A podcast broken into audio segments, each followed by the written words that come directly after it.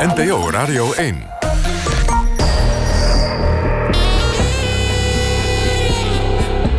Argos. Onderzoeksjournalistiek van Human en de VPRO. Erik Arends. Goedemiddag en welkom bij Argos. We hebben groot, nou groot, we hebben goed nieuws te melden. Dat is eigenlijk beter. Althans een beetje, een beetje goed nieuws. En het gaat over duizenden vluchtelingenkinderen... die na aankomst in Europa van de radar verdwijnen. We hebben het er hier al eerder over gehad. Het ging toen over 60 Vietnamese kinderen... die zijn verdwenen uit de beschermde opvang in Nederland. De, rapporteur, de Nationaal Rapporteur Mensenhandel en de hele Tweede Kamer vroegen vervolgens om onderzoek. En daarover gaat het goede nieuws, want staatssecretaris Harbers van Justitie en Veiligheid heeft deze week aangekondigd dat er maar liefst twee onderzoeken komen. Eén naar Vietnamese kinderen die uit de opvang verdwijnen. En één naar alle duizend minderjarigen die uit een Nederlandse opvang zijn vertrokken met onbekende bestemming, zoals dat heet. Die zijn dus Lost in Europe. En dat is ook de naam van een internationaal onderzoeksproject naar verdwenen kinderen, waar wij van Argos aan meedoen. NPO Radio 1. Argos. Ja, en zometeen brengen we nieuwe onthullingen uit dat onderzoeksproject. Maar eerst spreek ik met journalist Chloe Carlens. Ook zij is betrokken bij Lost in Europe, maar dan in België. Goedemiddag, Chloe. Goedemiddag. In het Belgische weekblad Knak schreef jij deze week samen met je collega Christophe Kleriks het eerste grote verhaal over verdwenen vluchtelingenkinderen in België. Daar speelt dit probleem dus ook. Inderdaad, het probleem speelt ook in België helaas. Zo zouden er honderden kinderen per jaar verdwijnen. Honderden kinderen? En hebben jullie ook kunnen achterhalen hoeveel exact? Dat probeerden we dus te doen tijdens ons onderzoek. En mhm. daarvoor spraken we met tal van organisaties en instanties. Mhm. Zo hadden we contact met het federaal parket van justitie, wat uh, het Openbaar Ministerie is, maar ook met FedAsiel. En FedAsiel is eigenlijk de landelijke opvang die de opvang voor asielzoekers regelt. Je zou het kunnen vergelijken met wat bij jullie het COA is. Het COA, ja. Ja, ja en daarnaast spreken we ook met de dienst Mensenhandel van de federale politie en met tal van andere hulporganisaties. En, en gaven die goede cijfers? Goh, heel opvallend was dat uit al die gesprekken bleek dat eigenlijk geen enkel van al die instanties een compleet overzicht van het aantal verdwijningen kon geven. Hmm. En het meest betrouwbare cijfer dat wij wel hebben is afkomstig van de dienst voogdij. En, en wat zegt die dienst? Om hoeveel kinderen gaat het? Zij hebben dus aangegeven dat alleen al vorig jaar 697 alleenreizenden uit het buitenland afkomstige kinderen na een registratie ineens van de radar zijn verdwenen. 697, dat is bijna 700 kinderen. Ja, dat is veel. Inderdaad. Dat is een heel aantal en we zouden ons ook bijna niet kunnen voorstellen dat zoveel Belgische kinderen zouden verdwijnen. Mm Daarboven is het aantal in 2018 ook nog het hoogste ooit. Dus ja, hmm. het is een beetje ondenkbaar. Maar wat we wel moeten zeggen is dat dit aantal, dus die 697 verdwenen vluchtelingenkinderen, slechts een minimumaantal is. Het gaat dan om de kinderen die na aanmelding bij de dienstvoogdij verdwijnen. Ja, ja. Maar we hebben. Ja, ga door. Ja, we hebben ook uh, met Wim Bonting van de dienst Mensenhandel van de federale politie gesproken en ook met andere mensen. En zij zeggen, er zijn nog veel meer kinderen die in België verdwijnen, maar waarvan de dienstvoogdij gewoon nooit heeft gehoord. Dus dat betekent dat er ook nog een groot aantal onzichtbare verdwijningen zijn. Dus dat het aantal in feite hoger ligt. Ja, ja. maar die 697, zeg je, is dus al het hoogste ooit. Het aantal van 2018. Hoe komt dat? Heb je daar een verklaring voor kunnen vinden? Um, de verklaring is heel erg moeilijk te vinden.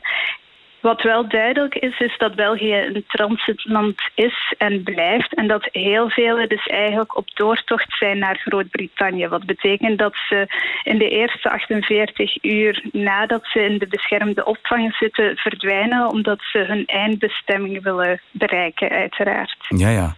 Mm, eh, maar hoe ernstig is het dan dat die kinderen van de radar verdwijnen als ze toch gewoon vooral op doorreis zijn? Ze zijn inderdaad op doorreis, maar de vraag is natuurlijk in hoeverre dit vrijwillig is. Die hmm. kinderen hebben ontzettend veel meegemaakt, maar ze hebben ook vaak schulden bij een smokkelaar. En daardoor staan ze gewoon onder een enorm grote druk. En dat zien dus ook de Belgische autoriteiten. Maar niemand weet dus hoeveel van die kinderen in uitbuitingssituaties terechtkomen. Hm. Hm. Wat we wel zeker en vast weten is natuurlijk dat ze buitengewoon kwetsbaar zijn. Dus de verdwijningen zijn inderdaad wel serieus. Van bijvoorbeeld Nigeriaanse minderjarige meisjes weten we zeker en vast dat ze in de prostitutie terechtkomen. Ja, ja, ja, ja. Ga je zelf ook nog op zoek naar deze kinderen als journalist? Ik probeer op zoek te gaan naar de kinderen. En daarvoor ga ik naar verschillende plaatsen. Bijvoorbeeld het Brusselse Maximiliaanpark. En het Brusselse Maximiliaanpark is een park waar wel veel illegale migranten verblijven. Dus ook minderjarigen. En door eigenlijk naar die plaatsen te komen, kom je ze inderdaad wel tegen. Maar dat is ook heel frappant omdat je gewoonweg weet dat sommige van de jongeren die je ontmoet en waarmee je praat, tot de vermiste vluchtelingenkinderen behoren, waarnaar Lost in Europe op zoek is. Ja, ja. Het viel me trouwens op dat in jullie artikel gaat het vooral om alleenreizende kinderen uit Afghanistan, Marokko, maar ook Eritrea. Ja, klopt. De Eritreërs waren vorig jaar verweg de grootste groep uh, die verdwenen. Hm. En daarom gaan zij eigenlijk ook het profiel en de nationaliteit zijn uh, die we verder willen onderzoeken voor een volgende publicatie. Juist, oké. nou, dan gaan we op. Uh, op, op uh, daar gaan we naar, gaan we, dat gaan we afwachten, daar gaan we naar uitkijken. Dankjewel, journalist Chloe Carlins van het onderzoeksproject Lost in Europe. Um, interessant, want ook in Nederland is er iets aan de hand met Eritreërs. Um, er blijken namelijk tientallen Eritrese jongeren op straat te leven. Hoe kan dit? Want vluchtelingen uit Eritrea hebben toch recht op opvang in Nederland. Luister naar ons onderzoeksverhaal, gemaakt door Joline Kramer en Hanna Kooi. Ik heb haar ontmoet op een dag dat ik onderweg was naar werk op uh, station. Toen zat ze in de trap en ik heb gewoon gewoond om alle Habesha Eritrese mensen tegen aankomen. Ik zeg hallo, hey, hoe gaat het? Uh, hoe woon je hier? Wat doe je? Hoe is het leven? En ja, veel was eigenlijk, uh, zij zat in de trap en het was heel koud. En je verwacht echt niet dat mensen dan op het trap buiten gaan staan, te zitten. ik liep naar haar en zei, ja, eh, wat doe je hier? Hoe heet je? En zij had me verteld dat zij uitgeproduceerd was en zij moet terug naar Italië. En zij was weggegaan met de ACC omdat zij wil niet terug. Utrecht Centraal Station. Anderhalf jaar geleden. Saron, dan zelf nog maar vijf jaar in Nederland, blijft als enige staan bij een jong meisje met een grote bos krullend haar. Veven, ze is dakloos. Ja, het is uh, omschrijfelijk. Ze wordt heel erg verdriet. Ja, wie zou er niet verdriet zijn? Ja, dat je eigenlijk uh, had gedroomd... oké, ik ga ergens heen waar ik kan wel mijn leven starten. Maar als je wordt afgewezen, ja, waar ga je heen? Zo, uh, je bent minderjarig. Gewoon, ze was toen 15 of 16. En ja, zonder ouders, zonder familie. Ja, met wie ga je praten? Ik ken, ik ken niemand. Het is een vreemde land. Onze eerste gedachte is, dit kan toch helemaal niet? Veven komt uit Eritrea. En vluchtelingen die uit Eritrea komen, hebben eigenlijk altijd recht op asiel. Eritrea is een militaire dictatuur. Er is een oneindige dienstplicht, die wordt beschouwd als slavernij. Op deserteren staat de doodstraf, net als op het verlaten van Eritrea zonder toestemming. En dat is dus wat alle vluchtelingen doen. En waarom ze hier asiel krijgen. Bovendien hebben minderjarige asielzoekers altijd recht op opvang, ook als ze niet uit Eritrea komen. Maar Sharon vertelt dat het verhaal van Veven helemaal niet uniek is. Er leven in Nederland veel meer Eritrese jongeren op straat. Ze zijn echt honderden. Het is soms ook niet te geloven. Kan je nagaan wat voor ellende die je meemaakt op straat. Dan worden ze ook drugverslaafd. Ik ken heel veel jongeren die drugverslaafd zijn geworden. Want ja, met wie ga ik praten? Ik ben op straat, niemand kijkt naar me. Waar moet ik heen? Eritrese jongeren zoals Veven die drugsverslaafd zijn geworden. Ja, ja zij worden echt drugverslaafd. Want ja, zij, gaan ook op zoek naar hoe kan ik geld verdienen. Of hoe kan ik soms, oké, hoe kan ik wel mijn problemen vergeten. Zij worden alcohol, alcoholverslaafd, drugverslaafd. Er is ook geen terugweg meer. Sommigen worden ook uh, zwanger hier en ze krijgen ook kinder, kindjes. En dan moet je ook nagaan, een kind die kind krijgt zonder papier. Allerlei stress en trauma. Deze reportage is onderdeel van Lost in Europe, Een onderzoeksproject waarbij we met een internationaal team van journalisten proberen te achterhalen hoe het kan dat duizenden vluchtelingenkinderen na aankomst in Europa van de radar verdwijnen. Ik ben Hanna Kooi. En ik ben Joline Kramer. En we hebben dit onderzoek samen gedaan.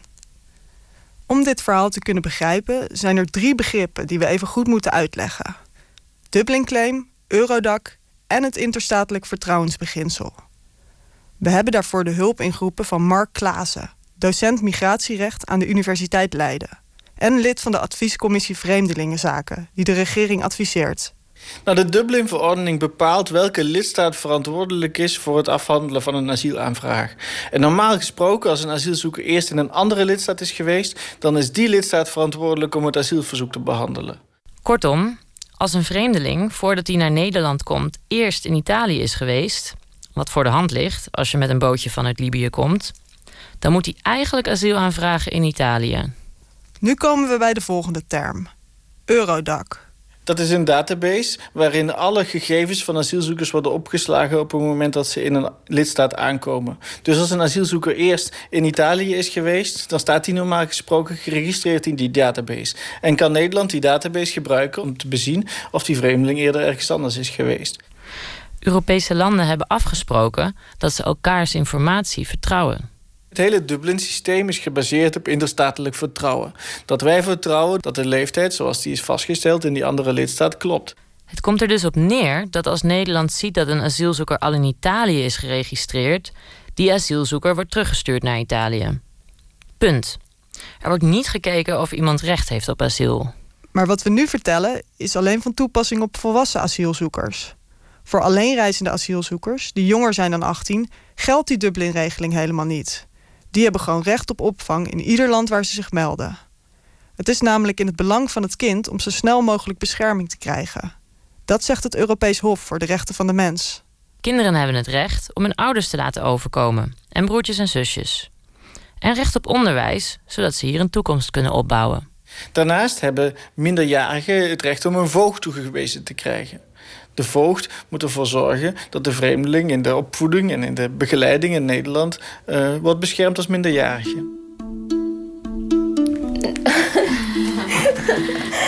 Dit is Veef een anderhalf jaar na haar ontmoeting op het station met Saron.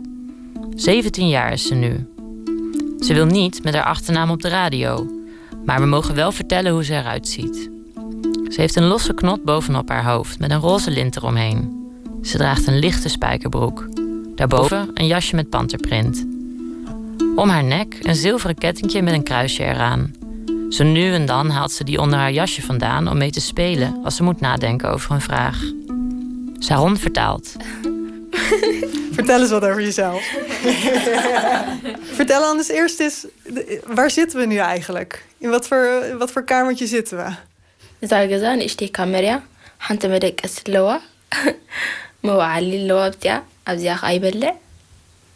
Met een huis met een kamer, een slaapkamer, een woonkamer en een tafel om te eten.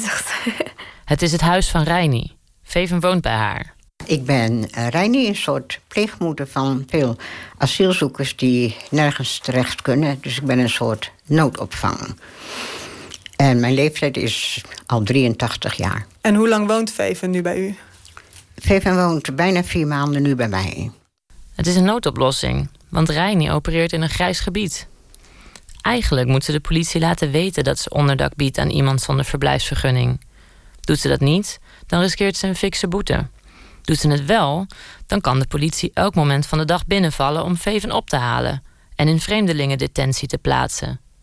Reini is ook niet blij dat het zo moet. Maar iemand moet Veven toch helpen, vindt ze. Hoe oud was je toen, toen je in Nederland aankwam? Nee, Holland is met أحكي نعمة أكي عصرت خمسة نيرة ولا عصرت خمسة نيرة 15 jaar oud. Bij aankomst meldde Veven zich in Ter Apel. De plek waar alle vreemdelingen naartoe moeten als ze in Nederland asiel willen krijgen. We hebben het gespreksverslag van haar aanmelding in handen. Tegenover haar zitten twee ambtenaren van de Vreemdelingenpolitie Noord-Nederland. Zegt, ik, ik herinner me echt niet precies hoe oud ik zei. Dat ik, het was eigenlijk in paniek geraakt dat iedereen om me heen komt te zitten en vragen stellen en iedereen typt. Ja, wat doen ze eigenlijk? Want ik heb niks uh, illegaal gedaan.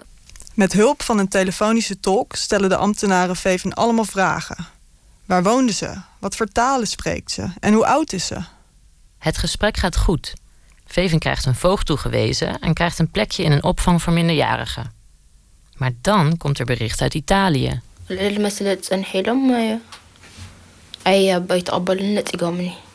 Ja, die IND zei dat zij uh, asiel had gevraagd eerst in Italië.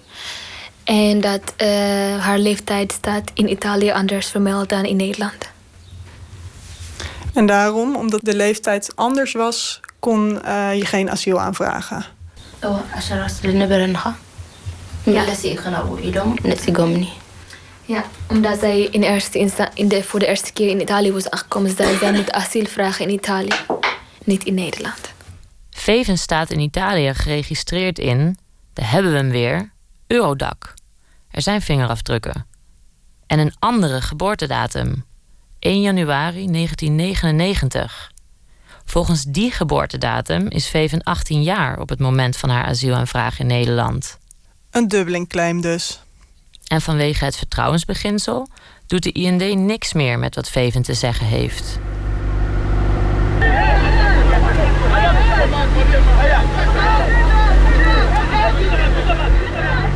We kijken naar een filmpje van hoe vluchtelingen aankomen bij de Italiaanse kust. Tientallen mensen in een klein rubberbootje midden op zee. De Italiaanse kustwacht gooit reddingsvesten naar ze toe en helpt ze aan boord van een grote boot. Die brengt ze naar de haven op Sicilië. We are in the south of Italy. The name of this island is Sicily. The name of this place is Augusta. You have been rescued by the Italian Navy, the big ship. We hebben de afgelopen maanden geprobeerd om contact te krijgen met hulpverleners die bij die aankomsten betrokken zijn. We spraken tientallen mensen. We horen verhalen van tolken die honderden mensen tegelijk moeten helpen.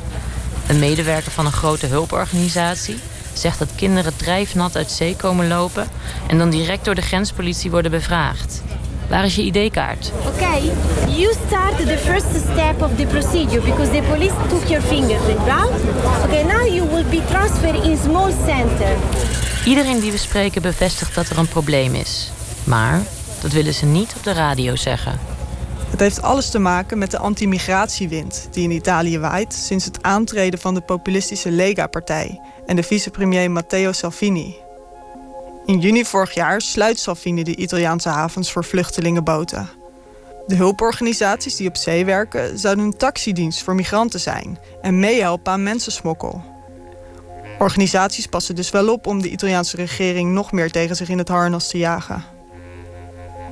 Na maanden heen en weer mailen overtuigen we steeds meer mensen om toch iets te zeggen. Adriana Zega vertelt hoe chaotisch het eraan toe gaat als de vluchtelingen aan land komen. Zij is programmamanager humanitaire hulp bij Oxfam Italië. When landings were happening, migrants arriving, uh, including minors, would go through the hotspot procedure, which foresees uh, medical screening, immediate support to provide blankets. Sinds 2015 zijn er hotspotplekken. Kustplaatsen die speciaal zijn ingericht om in korte tijd zoveel mogelijk migranten te registreren. Om je iets bij voor te stellen, in de tijd dat Veven in Italië aankwam, arriveerden er 20.000 mensen per maand. En al die mensen moeten dus eten, dekens en een medische check krijgen. Er worden ook vingerafdrukken afgenomen. And uh, immediately after this first support, the identification process starts. Volgens de hotspot-procedure moeten alle mensen binnen één dag door de politie geregistreerd worden. Moet je je voorstellen dat je als kind in dat gedruis terechtkomt. Er is zoveel verwarring, zegt Sega van Oxfam. So um, many minors uh, that were registered as adults told us also that it has been difficult for them to understand what was happening. Maar zelfs in een staat van verwarring weet je toch wel hoe oud je bent? Actually, the minors we have assisted told us that uh, they were asked uh, by the police what was their date of birth and that they replied with the real date of birth. De kinderen geven de goede geboortedatum op, zegt Sega van Oxfam. Maar het jaartal dat wordt opgeschreven klopt niet. The real date of birth, but a different year, uh, making them adults.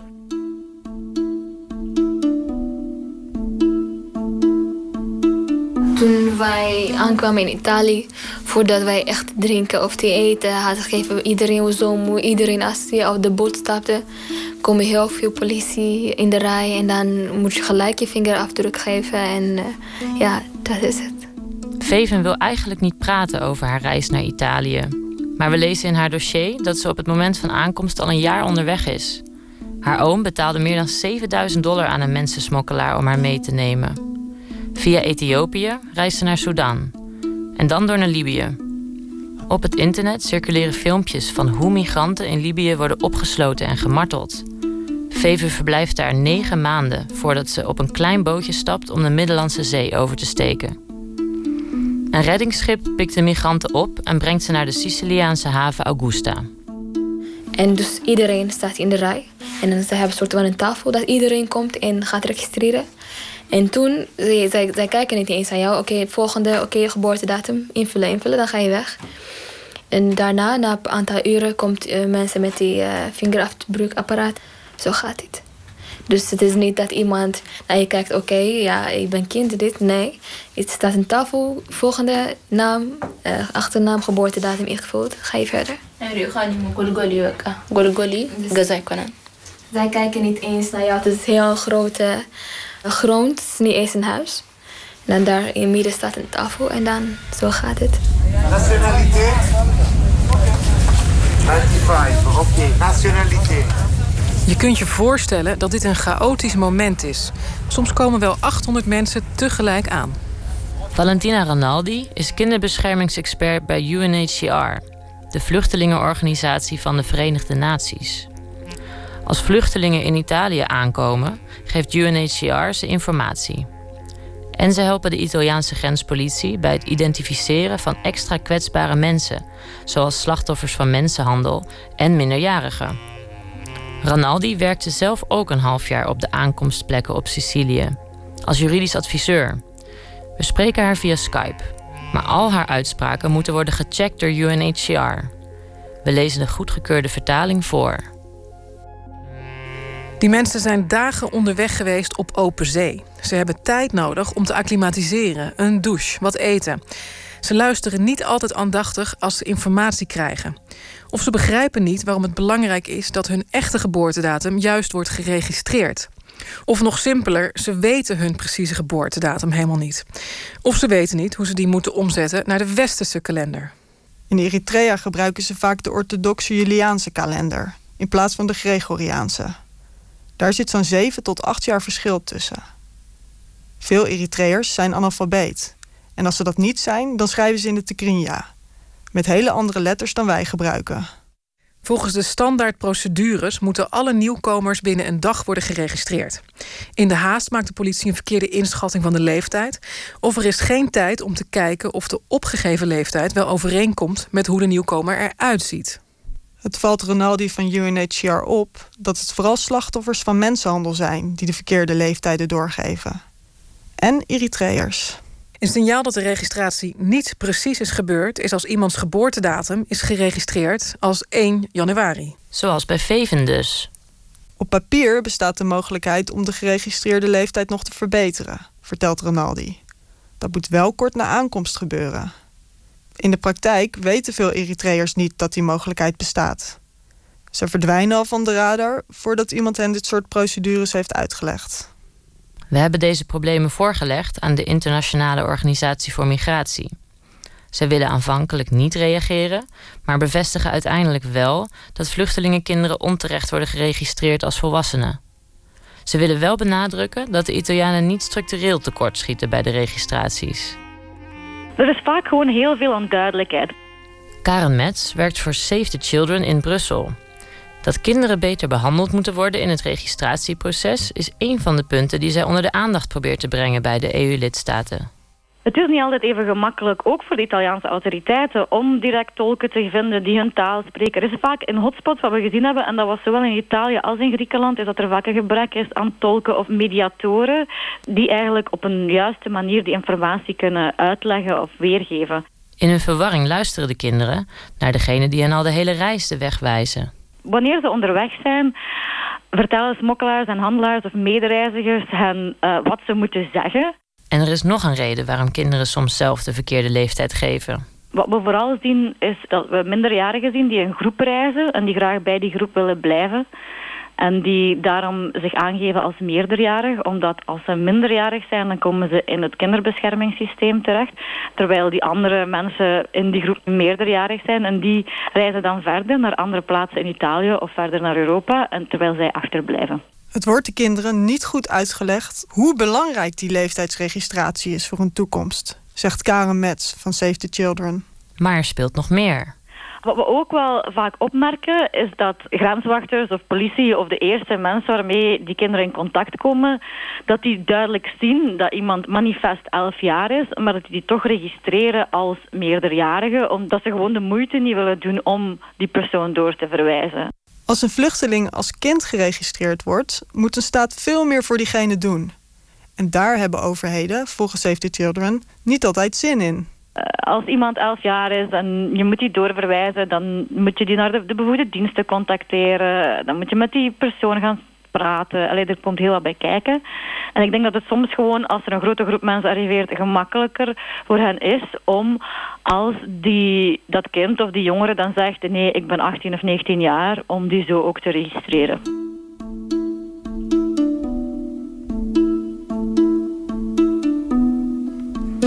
أي ذكراني كم تمسكبة جن للعد ما je het كيا إلى من عبزي Ik kan me niet echt herinneren hoeveel uh, ik had gegeven in Italië, hoe, hoe oud ik was. Maar de IND he, hebben gezegd dat zij eigenlijk als meerderjarig is daar vermeld. Als meerderjarig? Ja, als meerderjarig. En hoe kan dat? كم يجروا يا ولا لا متى مسكت ولا كلا كم يجروا ما Ja. Ze zegt, uh, al mijn vrienden waren meerderjarig. En uh, in Italië, als je als minderjarig de leeftijd geeft, word je een soort van, van hun gescheiden gehouden. En in een soort van een groep of zo. En ja, niemand kijkt naar jou. Die blijft gewoon daar totdat je echt 18 jaar bent.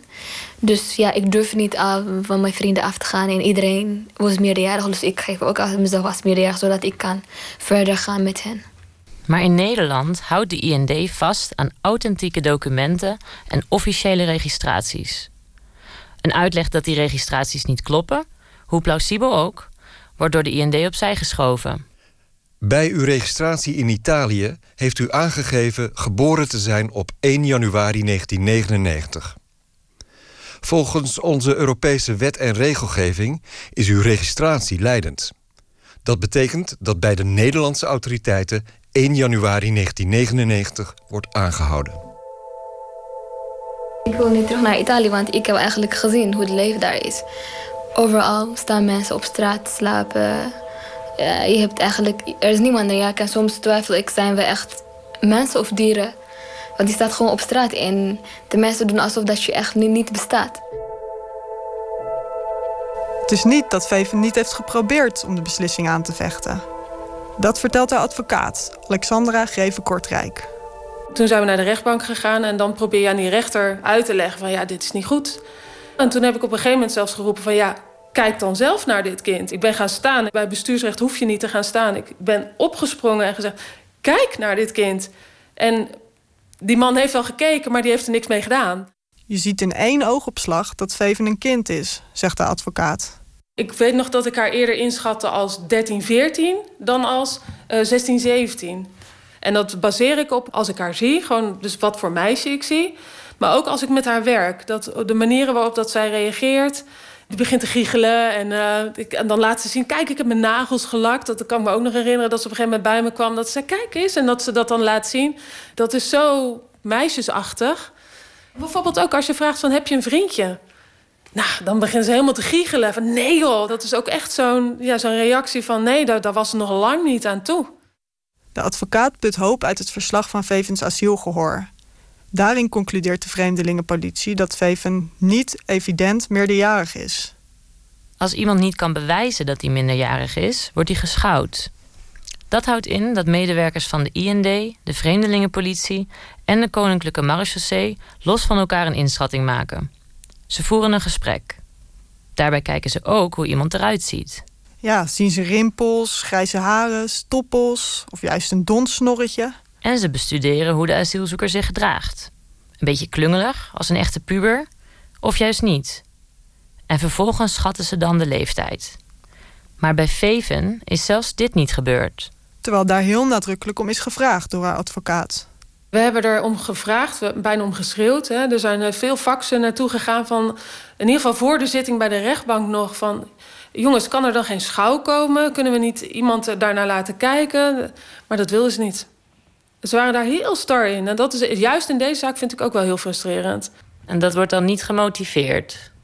Nee, want ze zeggen, tenminste de motivatie is... we hebben de Eurodac-registratie, we hebben het interstatelijk vertrouwensbeginsel... en dat is voldoende.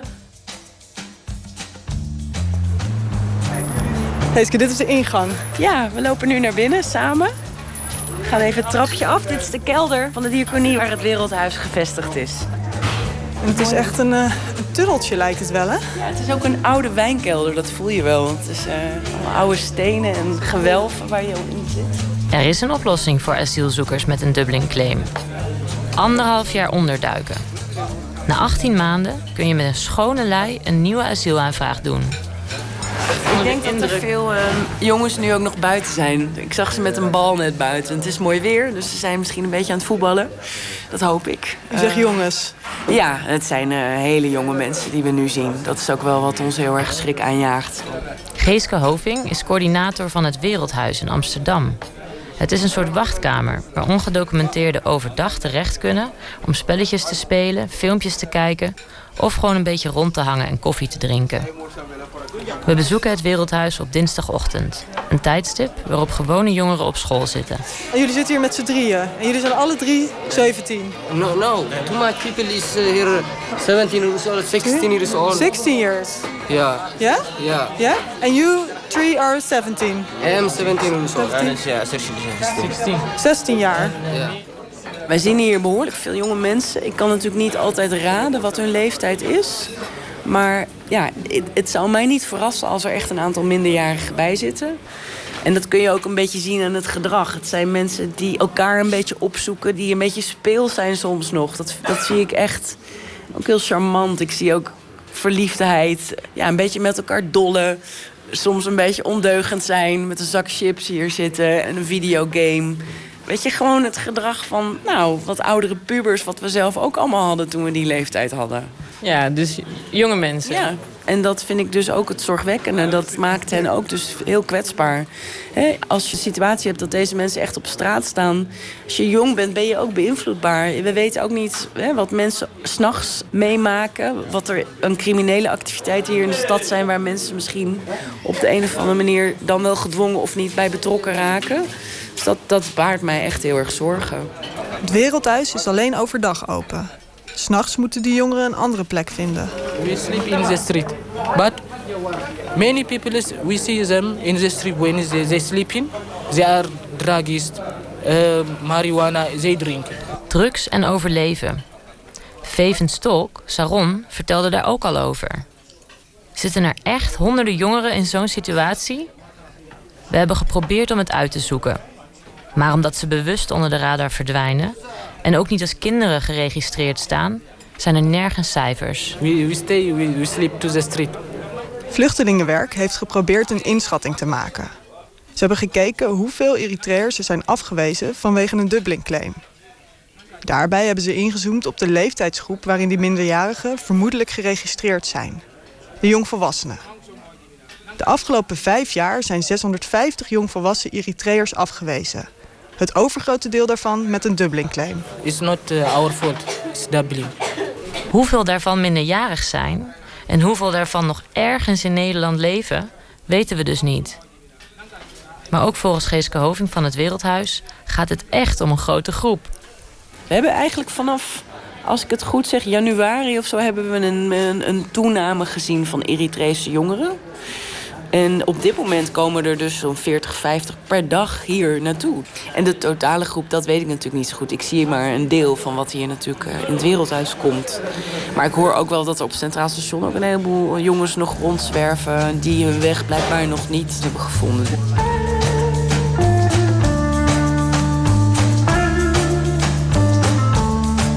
Ook voogdijorganisatie NIDOS zet vraagtekens bij het leeftijdsbeleid van de IND.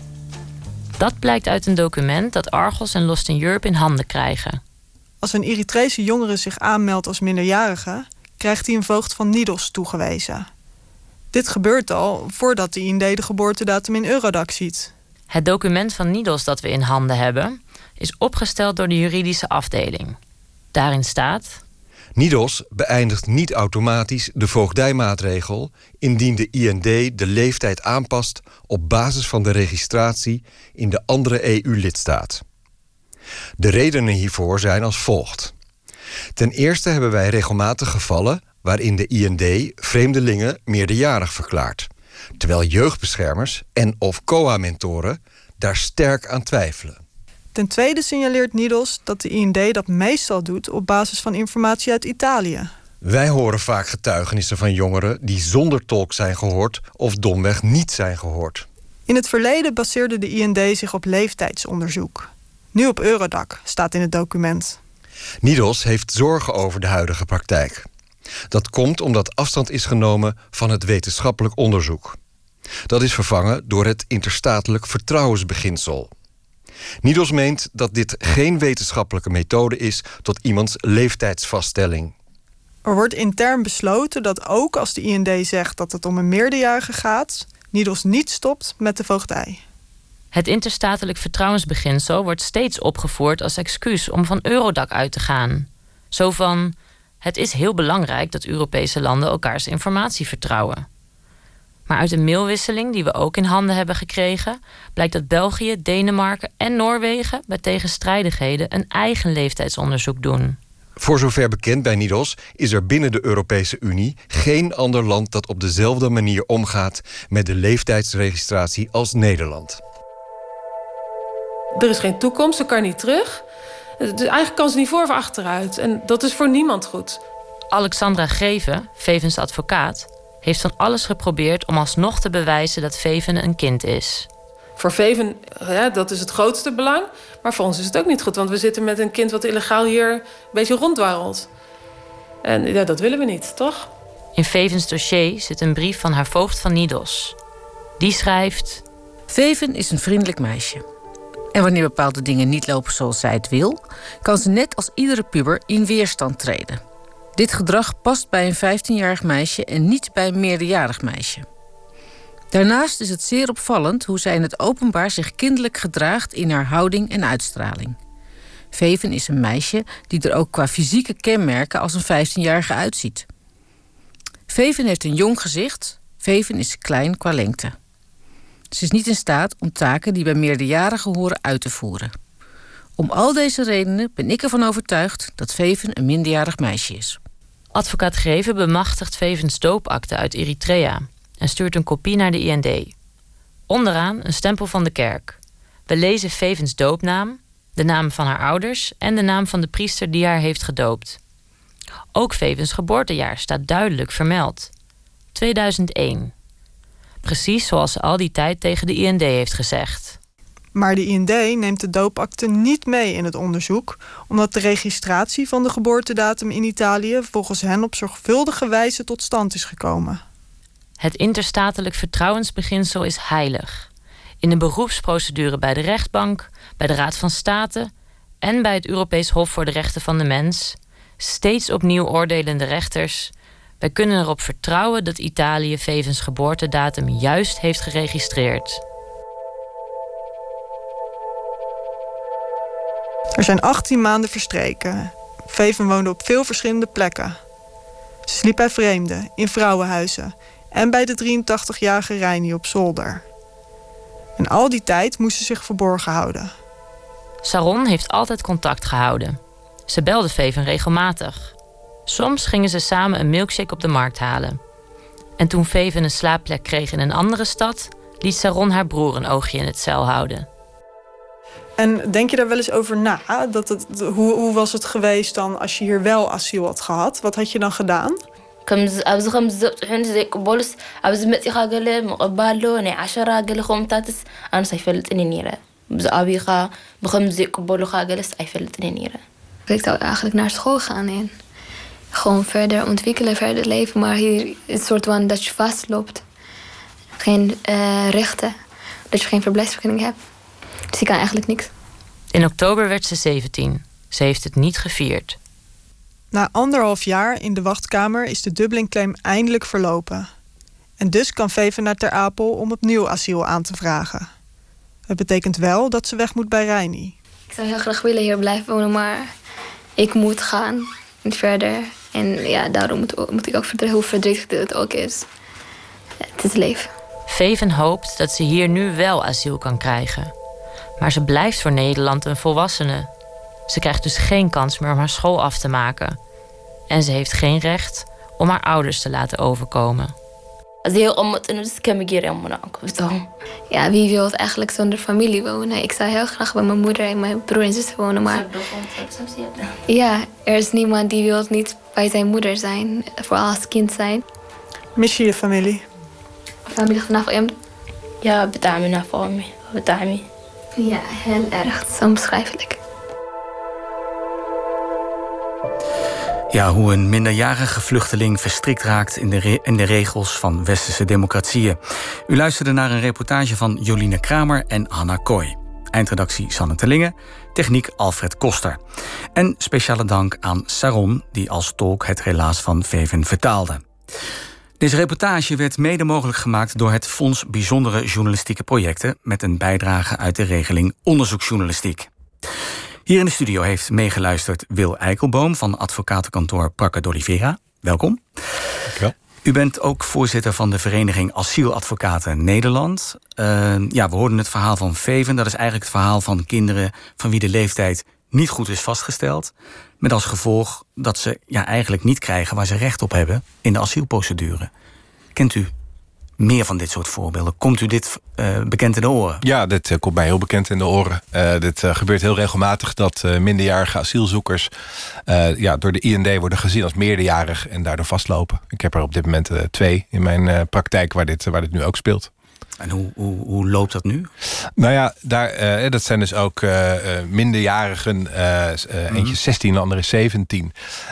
die zijn door de IND geregistreerd als zodanig. vervolgens is er gekeken, dat is volgens het huidige beleid... kijken dan twee ambtenaren, eentje van de IND en eentje van de Vreemdelingenpolitie. Die kijken afzonderlijk van elkaar of zij vinden dat zo iemand inderdaad minderjarig is. Uh, de ambtenaar van de Vreemdelingenpolitie zei... ja, dit is evident een minderjarig iemand. En dat, dat, volgens mij is dat ook juist. Ik heb die, die, die, is ook gesproken, dat zijn echt kinderen. Mm -hmm. uh, maar de ambtenaar van de IND zei... Ja, ik weet het niet, het is onzeker. Ik kan niet zeggen evident minderjarig. Nou, dan krijg je dus een conclusie. Er is twijfel. En dan wordt er gekeken, is er een registratie in een ander land? Nou, dat was zo in dit uh, geval. In, de, in beide gevallen. In, uh, in Italië staan ze als meerderjarig, hetzelfde als Veven. En dan gaat de IND daarvan uit. Ja, ja, dat is dat beginsel, hè, dat je gewoon overneemt wat er in een ander ja. EU-land uh, wordt bepaald. We hoorden in de reportage verschillende instanties, zoals de Vluchtelingenorganisatie van de Verenigde Naties, maar ook de Internationale Organisatie voor Migratie, zeggen um, dat minderjarigen inderdaad als volwassenen worden geregistreerd. Wat zegt het dat dit soort organisaties dit openlijk naar buiten brengen? Uh, nou, dat moet je heel serieus nemen. Ja? Want uh, UNHCR en IOM, dat zijn uh, diplomatieke organisaties... die zijn heel voorzichtig in het uiten van kritiek. Zeker op, op grotere Europese lidstaten. dus als ze dat doen, dan is dat over allerlei schijven gegaan. Dan is dat op allerlei manieren goedgekeurd. Dus dan is dat echt iets wat, ja, wat ze grondig hebben onderzocht... en waar mm. ze echt mee, mee zitten. Maar wat, zou, wat zou hun boodschap daar dan van zijn? Ja, hun boodschap is dus in Italië ga, gaan dingen niet goed. En je kunt daar dus niet op vertrouwen dat als er daar iets is geregistreerd, dat dat ook klopt. Ja, ja, ja. Maar is het ook niet heel, dacht ik, heel lastig voor uh, ambtenaren zoals nou, in Italië of hier in Nederland bij de IND om, ja, om het goed te doen? Want je hoorde in de reportage dat dit meisje Veven zelf heeft aangegeven in Italië: ik ben volwassene. Ja. Want ze wilde met die groep mee. Ja. Ja, nou, dat maakt het natuurlijk niet, uh, niet makkelijk. En het is ook niet makkelijk om het verschil te zien tussen een 17-jarige en een 18-jarige. Mm -hmm. uh, maar wat wel zou moeten gebeuren is, kijk, uh, in, in het geval van die cliënten van mij, uh, daar zegt dus een van de ambtenaren zegt: dit is een evident minderjarig iemand. Die heeft daar dus geen twijfel over. En de andere zegt niet: nee, dit is evident meerderjarig. Die andere zegt: nou, ik, ik weet het niet. Ik ja. twijfel een beetje. Nou, in zo'n geval zou je dus het voordeel van de twijfel moeten geven. Zou je zeggen: nou ja, we twijfelen eraan. De een zegt minderjarig, de ander zegt: ik weet het niet. Laten we uitgaan van minderjarig dan zitten we in elk geval aan de goede kant. En dat gebeurt niet. En dat gebeurt niet. Het omgekeerde gebeurt. Je hebt nadeel van de twijfel. Als er dus niet eh, op basis van die schouw natuurlijk ook niet een heel wetenschappelijk instrument is. Maar goed, als op basis van die schouw niet, niet evident meerderjarig de twee, uh, uh, pardon, minderjarig de twee personen komt. Ja, dan wordt er uitgegaan van meerderjarig. Ja, ja, ja. Um, we hebben uiteraard de IND, de Immigratie- en Naturalisatiedienst, om een reactie gevraagd. De IND deelt niet de kritiek die in de reportage wordt geuit. op de wijze waarop de IND de leeftijd bepaalt van de AMV'ers, de alleenstaande minderjarige vreemdelingen. Woordvoerder van de IND zegt: bij aanmelding van een alleenstaande minderjarige vreemdeling wordt toch altijd een zogeheten schouw uitgevoerd. De, vreemde, de vreemdelingenpolitie, de marechaussee en de IND onderzoeken dus zelf wat de leeftijd van zo'n jonge vluchteling kan zijn. Ook als, dat, uh, als, als in dat Europese computersysteem Eurodac. Uh, staat dat de persoon meerderjarig is. Dat is dus iets heel anders dan we net hebben gehoord in de reportage. Hoe zit dat? Ja, goed, ja, die schouw die wordt nu inderdaad gedaan. Dat is op basis van, uh, van beleid. Dat is nog niet zo oud. Dat is een paar maanden dat dat echt standaard gebeurt. Mm -hmm. Dus op zich een, uh, wel een verbetering dat dat gebeurt. Maar ja, dat gebeurt dus op de manier die ik net omschreef. Namelijk uh, twee mensen die afzonderlijk van elkaar kijken. Die moeten alle, allebei uh, geen twijfel hebben. Nou goed, dus iemand die, een, een tienjarige... waar je echt geen twijfel over zou mm -hmm. hebben... die zou op die manier nog wel als minderjarig worden geregistreerd. Ook als die op de een of andere manier in Italië als meerderjarig zou staan. Maar juist die twijfelgevallen, die 16-jarigen... waar je nou ja, goed kan aannemen dat ze minderjarig zijn... maar ja, evident minderjarig. Ja, wat is dat eigenlijk? Uh, iemand kan uh, iets meer volgroeid zijn uh, dan, dan anderen. Dus in die twijfelgevallen blijft het nog steeds staan, ook volgens het huidige beleid, nadeel van de twijfel. En dat blijft gewoon heel problematisch. De IND stuurt in dit geval dan Eritreërs die op basis van die zogeheten Dublin-regel ehm, naar Nederland komen, die sturen ze niet terug naar Eritrea, maar naar Italië. Is, ja. dat, is dat erg? Uh, ja, de, de opvangsituatie in Italië is, is al jarenlang heel problematisch. Er zijn eigenlijk al jaren onvoldoende opvangvoorzieningen. Uh, procedures duren lang. Uh, er zijn on, onvoldoende tolken. Er zijn onvoldoende advocaten. En dat is eigenlijk het afgelopen jaar alleen maar erger geworden... met de nieuwe regering die heel uitgesproken anti-immigratie is. Salvini is de leider van die Lega-partij. Ja. anti-immigratiepartij. En die is ook verantwoordelijk voor het asielbeleid. Dus die heeft een decreet afgekondigd het afgelopen jaar... waarin die gewoon uitdrukkelijk zegt van we doen dit om, uh, om vluchtelingen tegen te gaan. Zij heeft al uh, de weinige opvangvoorzieningen die er waren, heeft hij nog een deel van gesloten. Hij heeft uh, bepaalde verblijfsvergunningen helemaal afgeschaft. Dus ja, nee, dat is absoluut heel, heel nadelig om in Italië nu terecht te komen. Dit meisje Veven die probeert nu opnieuw asiel te krijgen. Want je mag na anderhalf jaar opnieuw een asielaanvraag indienen. Ja, tegelijkertijd wordt uit deze reportage duidelijk dat ze anderhalf jaar heeft ondergedoken gezeten. Kan dat haar niet de kop kosten in die asielprocedure? Nee, dat, dat uh, in de Dublin-verordening staat dat iemand tot maximaal 18 maanden uh, nog mag worden overgedragen. Als die 18 maanden zijn verstreken, dan is Italië niet meer verantwoordelijk. Dus mm -hmm. tussen Nederland en Italië zit daar een tijdslimiet op. Dus ook al zou Nederland willen om haar alsnog af te wijzen naar Italië te sturen, Italië zal dat niet meer hoeven accepteren onder de Dublin-verordening.